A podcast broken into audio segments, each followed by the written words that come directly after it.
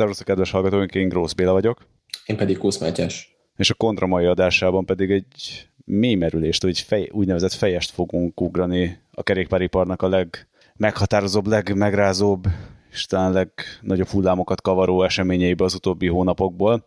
Elég sok minden történt, ami feje tetejére állítja itt a status quo-t, ezt elmondhatom akár az utóbbi két évre is, és a digitalizáció előtt a kerékpáripar se hajolhat meg, és nem tűnhet el, és az egyik nagyon nagy változás, amivel kezdjük a mai adásunkat, az az, hogy nem a legnagyobb talán, bár Matyi majd szerintem ki fogsz javítani, talán top 3-ban lévő Specialized. A legismertebb márka, én azt mondanám, a leg, leginnovatívabb márka, hogy őket idézzük. A kerékpáripar Nike-ja vagy Apple-je, így is mondhatnám, és közben sokat elmondtam a hívőségről, de most abba hagyom a csípős nyelvűséget. Rálépett az online kereskedelemnek az útjára, amit ők úgy kereszteltek el, hogy Rider Direct. Mi történt itt, Matyi? Hát ugye gyakorlatilag a Specialized elkezdte bevezetni, vagy bevezette azt a rendszert, itt Észak-Amerikáról beszélünk elsősorban, ha pontosak az információim. Ezt nem tudom, hogy te ki tudod egészíteni, hogy területileg mint hogyha a Benelux államok is benne lennének. Meg Anglia. Meg Anglia, így van. Szóval ezeken a területeken bevezette gyakorlatilag azt, amit a Canyon Rose már a legelejétől kezdve csinált, hogy direktben shippingeli a kerékpárokat a vásárlókhoz. Tehát azon nagy diffi most már, hogy eddig ugye arra épült fel maga az üzleti modellje például a specialized hogy volt egy nagy kereskedés, bocsánat, lépjünk egyet vissza, volt egy regionális nagyker, voltak országos nagykereskedések, és utána a kedves kis boltodba leszállítottak a bicikletet, amit ott megnéztél, megsimogattál, és utána megvettél a kedves kis kereskedőtől, és utána boldogan kerékpároztál.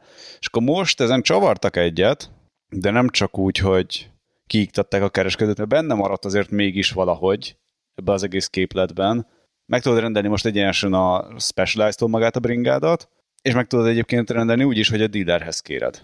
Így van, én még annyival egészíteném ki, hogy uh, talán benne van egy fél lépcső a kettő között, mert hogy ugye egészen eddig a hagyományos üzleti modell az az volt, amit mondtál, hogy gyártó, nagykereskedő és kiskereskedő, viszont nagyon sok országban a Specialized a sok más gyártóval párhuzamosan bejelentette azt a rendszert, megcsinálta azt a rendszert, hogy közvetlenül a kiskereskedőknek szállít.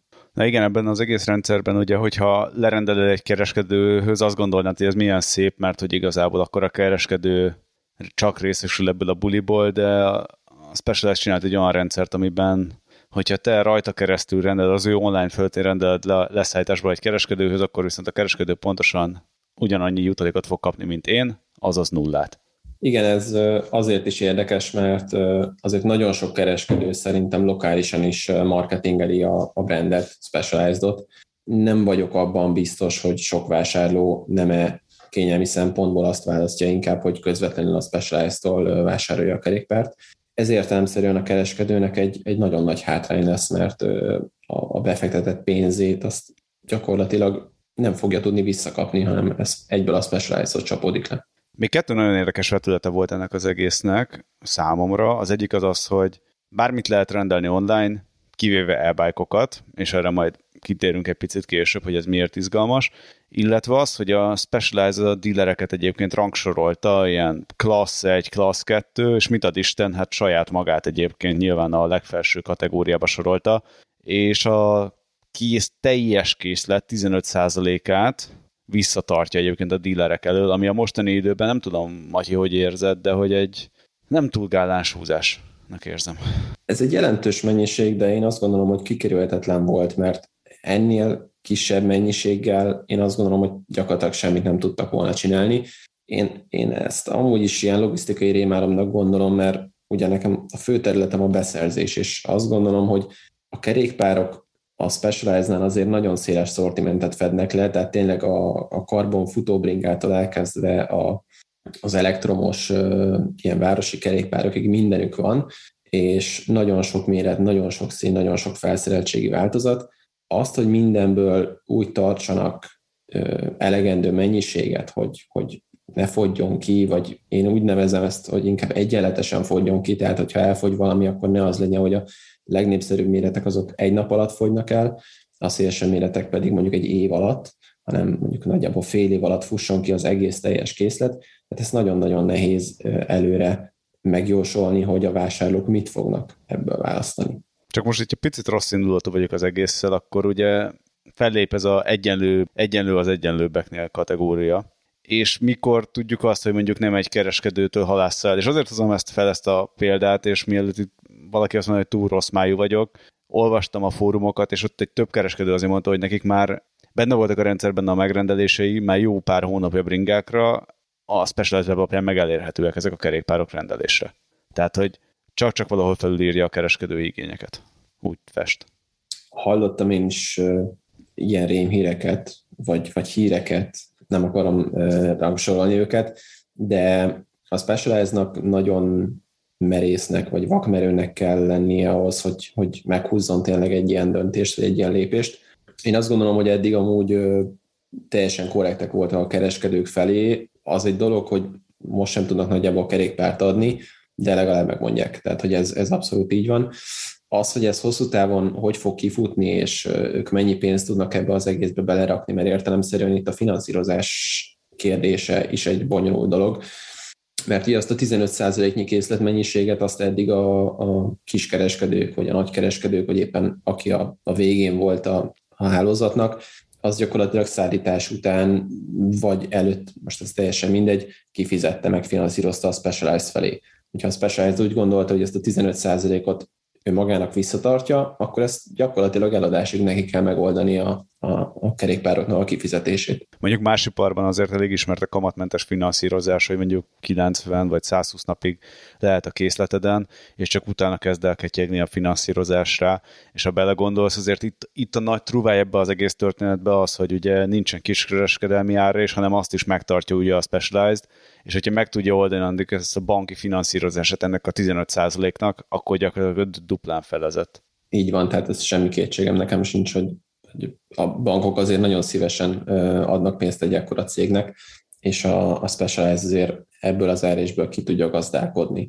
Arról nem is beszélve, hogy szóval a többi olyan gyártóval ellentétben, akik ugye főként weben értékesítenek, a Specialized az mindig egy ilyen prémium árazású kerékpárbrand volt, tehát alapvetően nyilván műszaki tartalomban is ez megjelenik, de, de azért azt ne gondoljuk, hogy árésben nem keres rajta többet. Hát igen, tehát forintos árésben, hogyha ugyanannyi a százalék, az azért több jelenik meg ott a számlán náluk.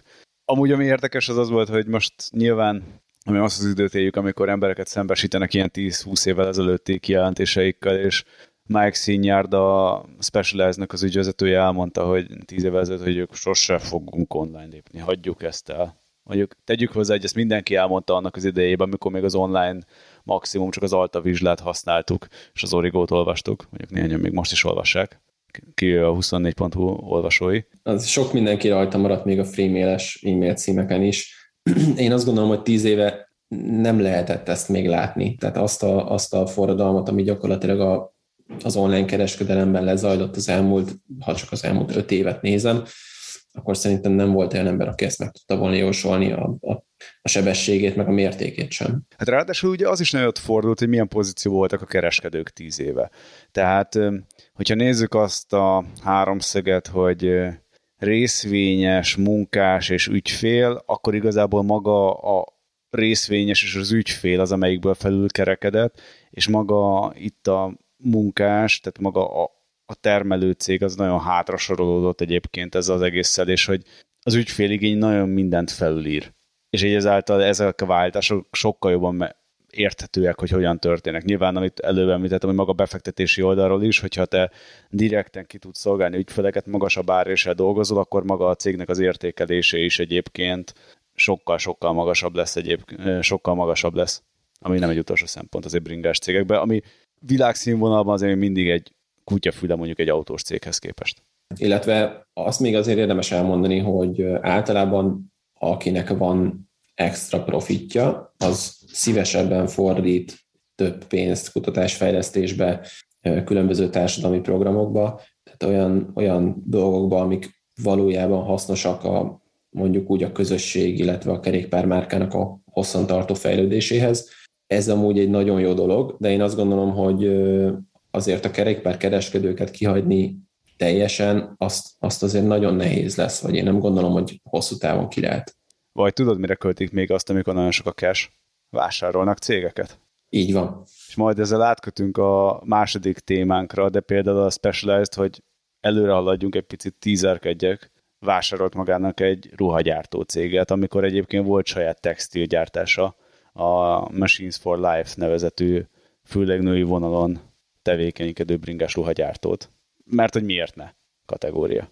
Igen, ez egyre inkább látható a, a piacon, nem csak a kerékpárpiacon, de úgy általában a kerékpárpiacon is az elmúlt két évben lett szerintem nagyon jellemző, hogy akvizíciók sora, tehát a kisebb cégeket, azokat, azokat bekebelezik a nagyok. Hallgattam a napokban egy podcastot, és az egyik ilyen nagyon jó befektetési professzor, meg cégértékelési professzor a New York Stern Egyetemről mondta, hogy mindegyik cégnek van egy életciklusa.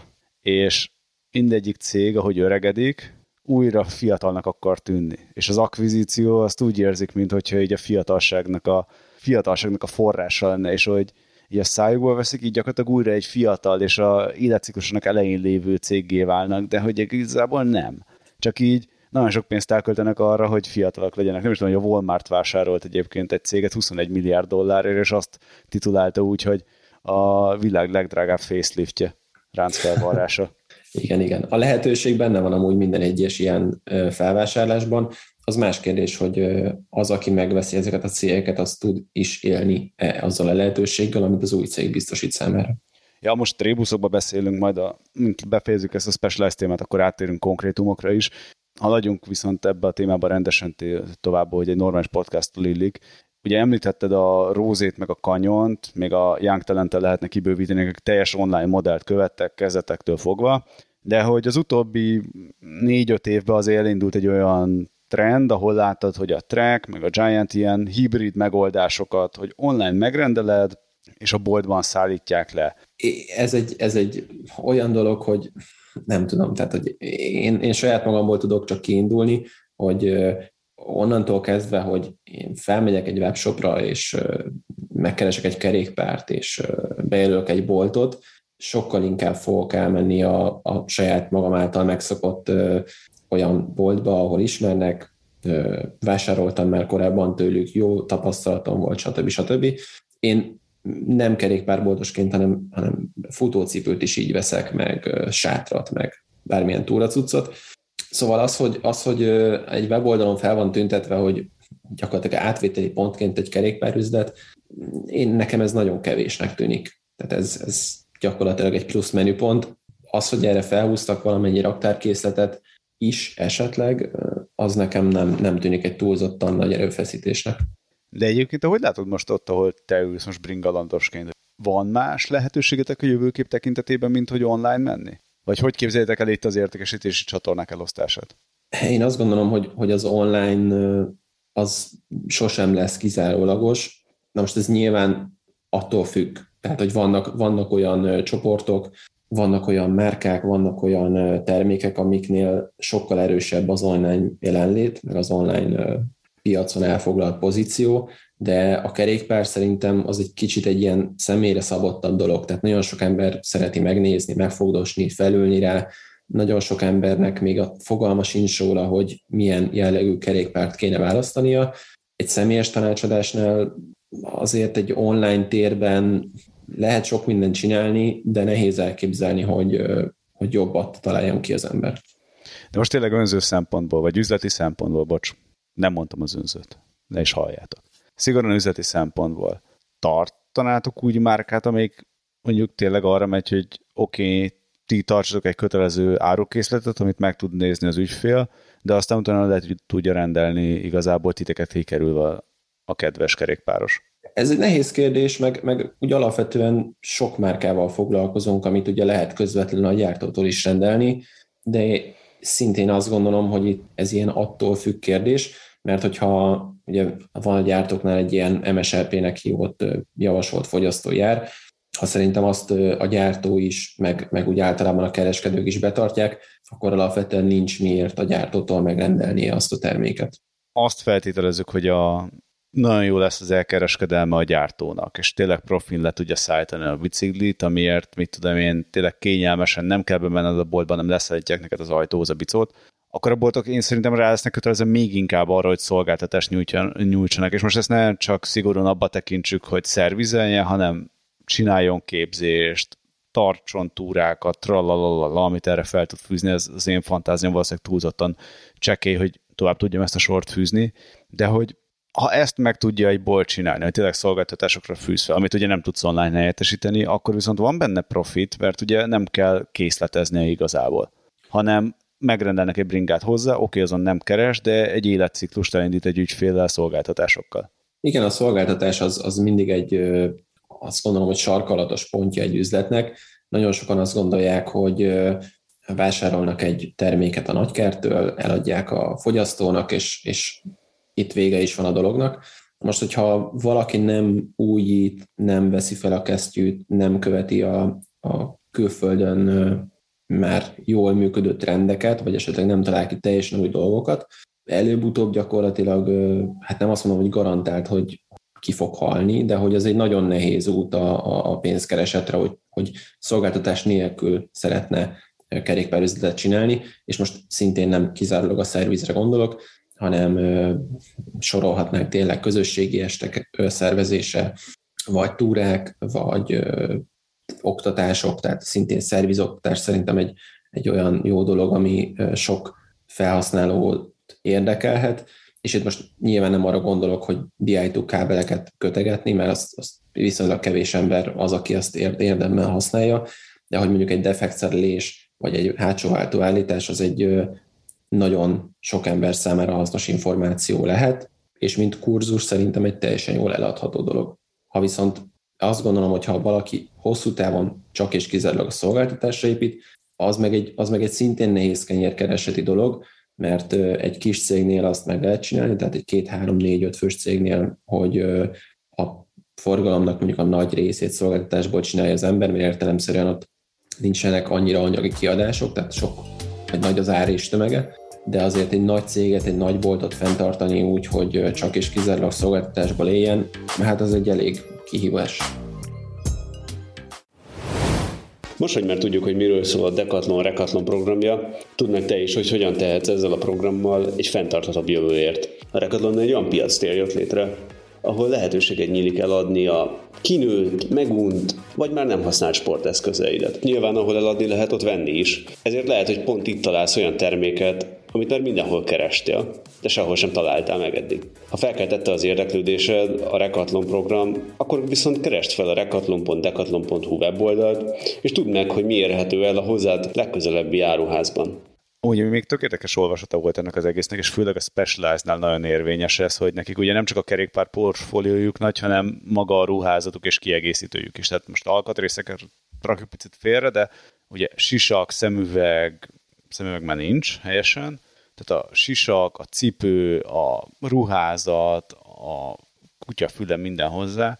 Így van, a... illetve én még, én még, én még belesorolom ugye a, a body geometry kiegészítőket, tehát talbetét, nyereg, markolat, bandázs, meg etc. Tehát nagyon sok olyan kiegészítőjük, equipmentjük van, ami alapvetően azért nagyon jó minőségű. Nagyon magas szintet képvisel, de mi motiválja innentől kezdve azért a kereskedést, hogy ezeket a kiegészítőket egyáltalán készletezze, hogyha a kerékpárokat nem ő adja el. Akkor lehet, hogy inkább az fog titeket is mondjuk motiválni, hogy mi a legmagasabb az ár is. Igen, egy márkánál nagyon sok összetevős tényleg, hogy megéri-e tartani, hogy értelmes-e vele foglalkozni, hogy szeretnénk-e vele azonosulni, vagy nem. Én azt gondolom, hogy az észak-amerikai boltok most nagyon nehéz helyzetbe kerültek, mert viszonylag súlyos döntés előtt állnak. Én azt gondolom, hogy sokan azt fogják mondani, hogy köszönik szépen, nem folytatják tovább, és sokan viszont azt fogják mondani, hogy így is azt mondják, hogy megéri, megéri tartani. Észak-Amerika az egy kicsit amúgy, sőt, hát nem is kicsit, teljesen más ország, mint Magyarország értelemszerűen, sokkal nagyobbak a távolságok, nem lehet egyszerűen fizikailag olyan sűrű bolthálózatot létrehozni, mint, mint amit Magyarországon.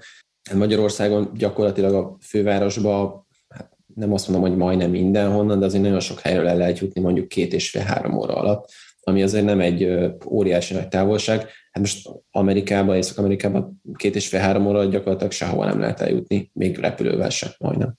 Igen, és erre céloztam, hogy ha belegondolsz, hogy most tök egyszerűen áru kapcsolni. Veszel egy speci bringát, és hozzá veszel egy speci sisakot, meg talbetétet, meg még másik nyerget, ralala, és nyilván olyan ugyanaz, mint az autónál hogy megveszed a Toyota-t, a Toyota kiegészítőket, mert hogy ott vagy helyben, és hogy összeillenek, teljesen egyszerű a párosítás. De hogyha nem ennyire triviális, nem ennyire egy folyamatba tudod ezt lezavarni, akkor úgy mondjam, maga ez a customer journey az egy picit sérül, és nyilván ez a másik oldalon, amit éppen szerintem egy 10 perc ezelőtt mondtam, hogy óriási árrést fognak lekaszálni, egy másik oldalon szerintem a zsebükből ki fog hullani pár film. Hát vagy a másik lehetőség, hogy az equipmentet is behozzák ugyanúgy otthonra shippingelős verzióban, és azt is ugyanúgy meg fogod tudni rendelni és vásárolni tőlük.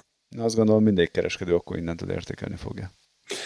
Így van. Tehát ez egy, ez egy nagyon nehéz döntés szerintem, amit a, a Specialized meghozott saját magának is. Nagyon kíváncsi vagyok amúgy, hogy hova fog ez kifutni, mert míg azért láthattuk, hogy a, a Canyon meg a Rose, én megmondom őszintén nem annyira követem az áraikat így tényleg napi szinten, de én azt láttam trendként, hogy, hogy azért nagyon-nagyon közelít, ami mondjuk tíz éve volt, hogy borzasztóan jó árértékarányú bringák voltak, hát most már szinte azt mondom, hogy, hogy hasonló áron vannak, mint, a, mint az amúgy hasonló minőségű kerékpárok. De hogy igen, tehát ami, de amit beszéltünk, ugye, és hoztam itt az autós analógiát, nagyon elindultunk abba az irányba több oldalról is, mint ami az autóiparban egy modell, hogy az maradhat kb. márkadíler, aki le franchise szerződik, és hogy érdekes, mert ugye a sok integráció miatt nem is fogod tudni ezt kikerülni, hiszen főleg egy e-bike-nál, ha nincsen célszer számod, hogyha nincsenek meg a,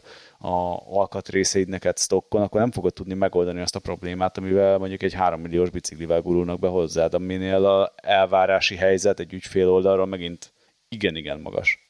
Az e megjelenésével, meg, meg úgy általában a, a többfajta motor, illetve az inkompatibilitási problémáknak a, a megjelenésével azért ez nagyon hát kruciális pont, hogy, hogy tényleg mindig legyen ott motor, egy, egy akkumulátor, egy kábelköteg, egy diagnosztikai szerszem, és ha mondjuk az ember több márkával foglalkozik, akkor ez azt jelenti, hogy márkánként ott kell tartani a boltba egy-két-három millió forintnyi alkatrész diagnosztikai szerszámot, arról nem is beszélve, hogy szaktudásban is ezt fel kell vennie valakinek, tehát nyilván nem ugyanúgy kell megcsinálni egy Shimano, meg egy, meg egy Bros rendszert.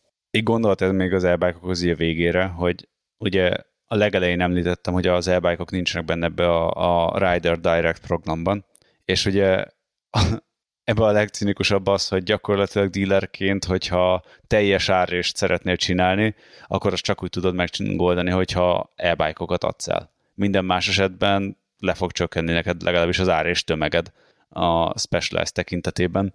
És itt a hosszú felvezetésre inkább az a kérdésem feléd, Matyi, hogyha mondjuk visszatekintünk, visszatekintünk majd három év múlva, akkor te mit gondolsz, hogy merre fog elmozdítani a specit? Ha tippelnem kéne, hát ez egy nagyon-nagyon nagyon nehéz kérdés Maradjunk mondjuk az észak-amerikai piacnál, mert arra talán egy kicsit könnyebb válaszolni.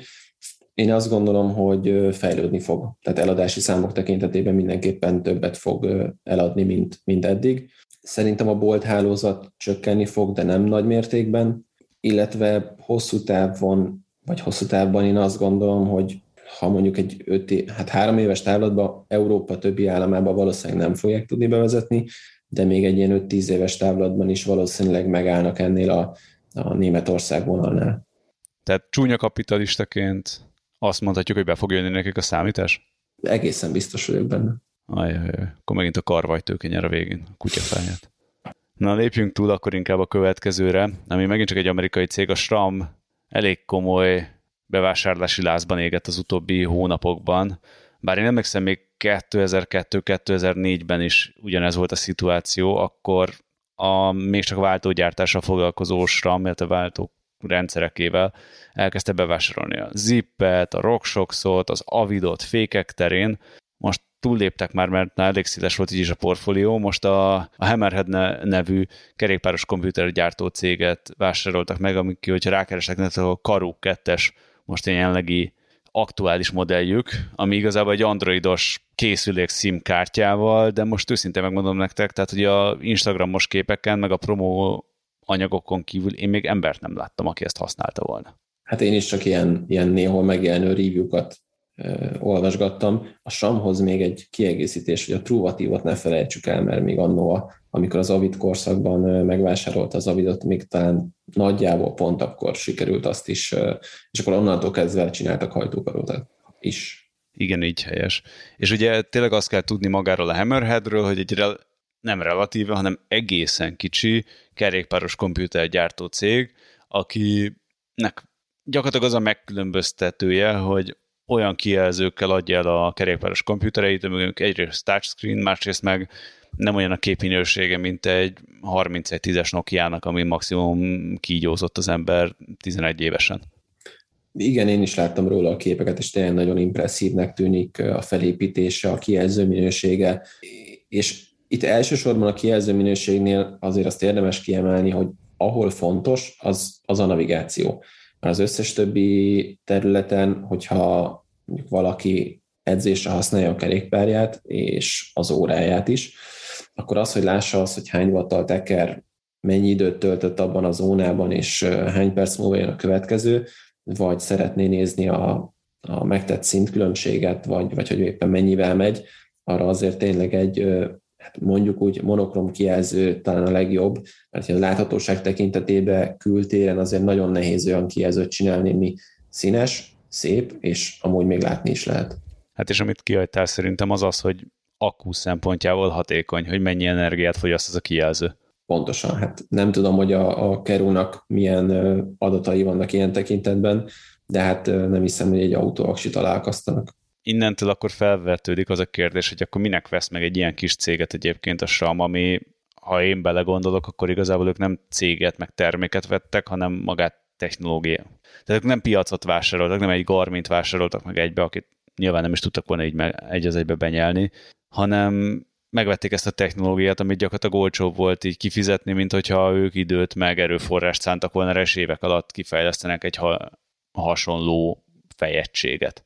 És azért mondom a fejegységet, mert majd rá fogunk térni, hogy ez gyakorlatilag be tud illeszkedni magába ez az AX-es ökoszisztémába, amit az utóbbi évekből összeraktak. Hát kíváncsi vagyok, hogy mik a terveik velük, mert talán a legutóbbi ilyen felvásárlás, amiről én tudok, vagy hát amilyen nagyobb port kavart, az, hogy a Wahoo megvette ugye a Speedplay-t. Az egy picit azért hasonló, mert a Speedplay ugyan használtak sokan, de hogy azért nem volt egy olyan hatalmas piaca, és szerintem egy nagyobb rendet mögé rakva azért lehet mennyiséget eladni belőle. Én azt gondolom, hogy szintén ugyanez van a, a, a karóval is, hogy van egy ígéretesnek tűnő termék, amit egy nagyobb fejlesztési összeggel, meg egy, meg egy hatalmas háttérrel nagyon jól lehet tolni. Hát igen, gyakorlatilag mögé rakod a SRAM-nak a marketing és sales úthengerét, aztán egy teljes csomagot kínálsz gyakorlatilag a váltótól a nyerekcsőig, a kerekekig, a fejegység, gyakorlatilag a váz az, ami már egyébként nem SRAM, és azon túl gyakorlatilag majdnem mindent házon belül meg tudsz oldani most már. Így van, hát ez gyakorlatilag az a logika, amit már az előbb említettünk, hogy a, a kis gömböc azért szeret dagadni, és ha jól csinálják, akkor, akkor tud is. Na, de hogy ugye, igen, ugye fejegységről beszéltünk, de hogyha rátérünk itt az AX-es rendszerre, akkor igazából mint egy irányító központ tudna mindent összefogni, de mert eddig amit kifogásoltak ugye magával a, a SRAM AX-es, AX-es rendszerrel kapcsolatosan, az az volt, hogy igazából majdnem csak telefonról tudtad megoldani, de fejegységről nem, ami, hogy mondjam, kicsit olyan kifogás, hogy te hányszor firm update vagy állítottad mondjuk menet közben, bringázás közben a váltórendszeredet, vagy bármidet. Hát szerintem nem, nem fordult még ilyen elő, tehát hogy én azért alapvetően szeretek úgy elindulni kerékpározni, meg, meg olyan állapotba tartani a bringákat, hogy az, az úgy általában amikor használom, akkor működjön. Tehát az, hogy menet közben bármit is állítani vele, az, az tényleg ilyen no way. Én azt gondolom, hogy az AX-esnél is ugye lehet menet közben finom hangolni a váltót, tehát ha mondjuk oda csapjuk és arrébb szeretnénk rakni, akkor is én sokkal előbb nyomogatnám a gombokat a hátsó váltón, mint hogy elővegyem a telefont és rácsatlakozzak a hátsó váltóra. Hát igen, tehát oda csapod a váltót, és menet közben kezded el állítani, amikor van mondjuk rajta egy svunk, ha csak 20 mész, akkor is, vagy inkább ott súly nélkül, tömeg nélkül próbálod meg, hogy nehogy leszaggassál még valamit a bicódról, tehát mm, jó példa volt talán, amit mondtál. Igen. Igen, és én a, a, a, a vezérlésről én még azt gondolom amúgy, hogy hát ötletnek lehet, hogy jó, illetve lehet, hogy ezt szeretnék a, a SRAM-nál meg, meglépni, megcsinálni, de ugye ezeknél a rendszereknél mindig az van, hogy, hogy vannak a perifériák, tehát van a hátsó váltó, vannak a váltókarok, és van valamilyen vezérlő központja, agya az egésznek. Na most, hogyha ezt a karút szeretnék, hogy ez legyen az agya, akkor azt, azt azért elég nehéz elképzelni, hogy mondjuk biztosan fel legyen töltve, hogy, hogy biztosan mondjuk három óra múlva nem erüljön le egy hosszabb edzésen, mert ugye vezérlő nélkül gyakorlatilag meghal a váltó. Hogyha pedig, hogyha pedig egy ilyen, mondjuk úgy egy ilyen kiegészítő vezérőt szeretnének csinálni, annak meg aztán megint nem lenne értelme. Úgyhogy ha szeretnék az AXS-be integrálni, akkor tényleg valami olyat kell, vagy kellene villantaniuk, ami, ami indokolja azt, hogy ezt, ezt megérje megvenni azoknak, akik AXS rendszert használnak a bringájukon. És ez azért érdekes ez a, az irány, mert hogy hogy mondjam, szerintem ezt te, te, te pontosabban látod, mint én a elfogultságaimmal, hogy aki vesz egy drága biciklit, az már mennyire várja el egyébként, hogy elektrifikált legyen, hogy legyen rajta valami kütyű, valami elektromos legyen?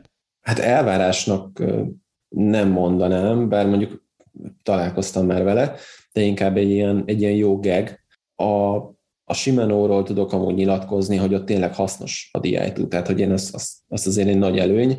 A, a SRAM-nál szintén én amúgy nem szeretem személy szerint az országút is SRAM váltórendszereket, mert engem a kezelése az teljesen az őrületbe kerget, de alapvetően teljesen jól lehet vele kerékpározni, meg, meg van, aki szereti, tehát hogy alapvetően egy, tényleg egy jó rendszerről beszélünk, de az, hogy a Force-ból mondjuk a SRAM-nál maradva ugye nincs is bovneres szett, vagy, vagy vannak olyan szettek, amelyben nincs is bovneres szett, és ugye a shimano szintén megjelent az Ultegra Durész, ugye a 12, 12 sebességes, azokból szintén nincsen már mechanikus szett. Tehát én úgy gondolom, hogy egyre inkább ez az irány, hogy a, a drága group szeteket vásárlók, azok, hát ha nem is rákényszerítve lesznek arra, hogy, hogy elektromos szettet használjanak, de hát nem lesz más lehetőségük. Hát igen, tehát a Shimano-nál gyakorlatilag csak a váltórendszer az, ami elektromos, de a SRAM fullba rálépett arra a vonalra, hogy ezzel az elektromos működések különbözteti meg magát a piacon. Oké, okay, a kampanyoló meg a mechanikussal, de hogy ott van a flight attendant, a tire víz, a nyerekcső, a váltó, a wattmérő, gyakorlatilag minden elektromos már a bicóton egyébként a vázat leszámítva. És... Hát remélem a fék is még egy darabig marad a hagyományos vonalon. De hogy igen, és amit mondtál, hogy mondjuk, hogyha ez a fejegysége, és össze van kötve, és hogyan merül le, akkor már gyakorlatilag elképesztő mennyiségű aksikákat kezdesz el magaddal viselgetni, amit jó, tudom, össze lehet fűzni egy nagyobba, de, de mennyi? Tehát, hogy igazából elérjük azt a pontot, hogy ez most egy kerékpár, egy analóg kerékpár, vagy egyébként tényleg ezt is csak elektrifikáljuk mindenhonnan, és mindennek automatikusnak kell lennie, és nem pedig egy olyan hobbi, amit beállít, állítgatsz menet közben, és hogy humán interfész is kell hozzá. Hát én azt gondolom, hogy egyrészt nagyon sok előnye van egy elektromos váltásnak, addig, amíg van értelme, meg, meg ugye az elektromos dolgoknak is úgy általában. Hát például az, hogy a SRAM-nál ugye van elektromos dropper post, meg, meg mondjuk vezeték nélküli a, a hátsó váltó is, azért meg lehet nézni egy, hát most mondhatok márkákat, egy Scott vagy egy, Giant e-bike-ot, ahol van elől ugye a, a tagnak lokkarja, a villának lokkarja, van egy dropper post, van egy első fék, hátsó fék, meg egy hátsó váltó, tehát ez ilyen 6-7 kábel, attól függően, hogy éppen milyen kiosztásban van. Hát ezt azért jelentősen le tudja felezni egy elektromos dropper post, vagy hátsó váltó, vagy bármi. Meg mondjuk a Foxnak a live alja, tehát akkor le lehet csökkenteni ezt tényleg két darab kábelre. A kérdés az, hogy megéri-e ezt a sok százezer forintot, illetve hát a, a Samnál még, ami nekem tényleg nem tetszik, tehát hogy a külön töltögetni kívánt aksik, azok, azok szintén az őrületbe kergetnek, tehát hogy hazamegyek és le kell szednem mondjuk három-négy aksit egy bringáról, az szerintem egy életszerűtlen dolog teljesen. És említettem azt, hogy a SRAM hogy mivel különbözteti meg magát, de van egy vonal, amiben egyébként rálépett a Shimano-nak az útvonalára, mégpedig azt, hogy egy hónapon belül a második, a másik akvizíciója meg egy ruhacég volt, még az a Velocio, amelyik főleg hölgyeknek tervezett kerékpáros ruhákat, és 2013-ban alapították, és így leginkább ez a fenntartható sourcingra fókuszált, és ezzel megtette gyakorlatilag a Stram az első lépését a ruha piacon, ami a Shimano-nak már elég régóta megvolt a ruha, cipőben kimondottan jók voltak, és más is ugye eléggé, miután felvásároltak a lézert, azok a komoly játékosok. Igen, a Shimano ruházatát amúgy uh, itthon mondjuk azt, hogy, uh, hogy nagyon kevesen ismerik, uh, és nagyon kevés helyen lehet vásárolni, annak ellenére, hogy szerintem nagyon jó minőségű. Tehát az országoti ruháik például, meg az Aspire vonal, ami ugye a top kategória, az tényleg felveheti bármelyik nagy gyártóval a versenyt, viszont azért meg lehet nézni a dizájnjukat is, tehát hogy még a legextravagánsabb mezeik is más gyártónál a, a nagyon commerce vonalba tartoznának bele. Én azt gondolom, hogy a SAM is ugyanúgy, mint, mint minden másik cég, én szerintem ez részükről inkább csak egy próba volt, egy, egy terjeszkedés valamilyen irányba.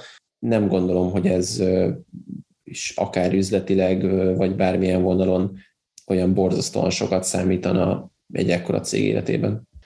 Két gondolat, így zárásképpen. Egyrészt, hogy azt gondolom, hogy tudod, ez olyan a japánokkal, hogy a Toyotáknak is kellett egy tíz év, amíg egyébként Európába raktak a design központot, és akkor kezdett emberi kinézetű lenni a beltér, meg a karosszéria is.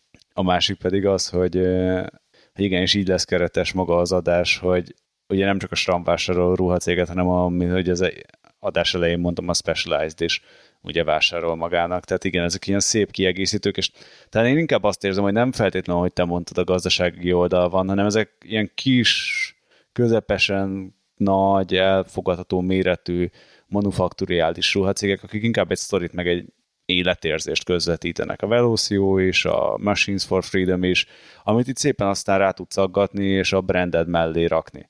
Így van, ez, ez viszont tényleg egészen biztos, hogy, hogy nagyon szépen ki lehet egészíteni, egy kerek egészé lehet tenni a márkát, és napjainkban azért látjuk, hogy a termék mellett egy nagyon-nagyon fontos dolog az, hogy milyen marketing üzenetet tesz a termék mellé egy cég. Ha az egy divatos, jól menő, társadalmilag elfogadott marketing üzenet, akkor egész biztos, hogy sokkal sikeresebb lesz. És akkor zárásképpen a mi marketing üzenetünk erre tényleg rácsatlakozva, hogy köszönjük szépen, hogy meghallgatotok minket, és reméljük, hogy tetszett, és hogyha tényleg tetszett, akkor adjatok egy pozitív értékelést nekünk, és osszatok meg a barátaitokkal, vagy támogassatok Patreonon, mindenkinek megköszönjük az eddigi támogatóink közül is. De talán ennél fontosabb, hogy menjetek el ti is egy jót biciklizni, hogy ti is ennek a jó életérzésnek részesei legyetek. Vigyázzatok magatokra, jövő héten találkozunk. Sziasztok! Sziasztok!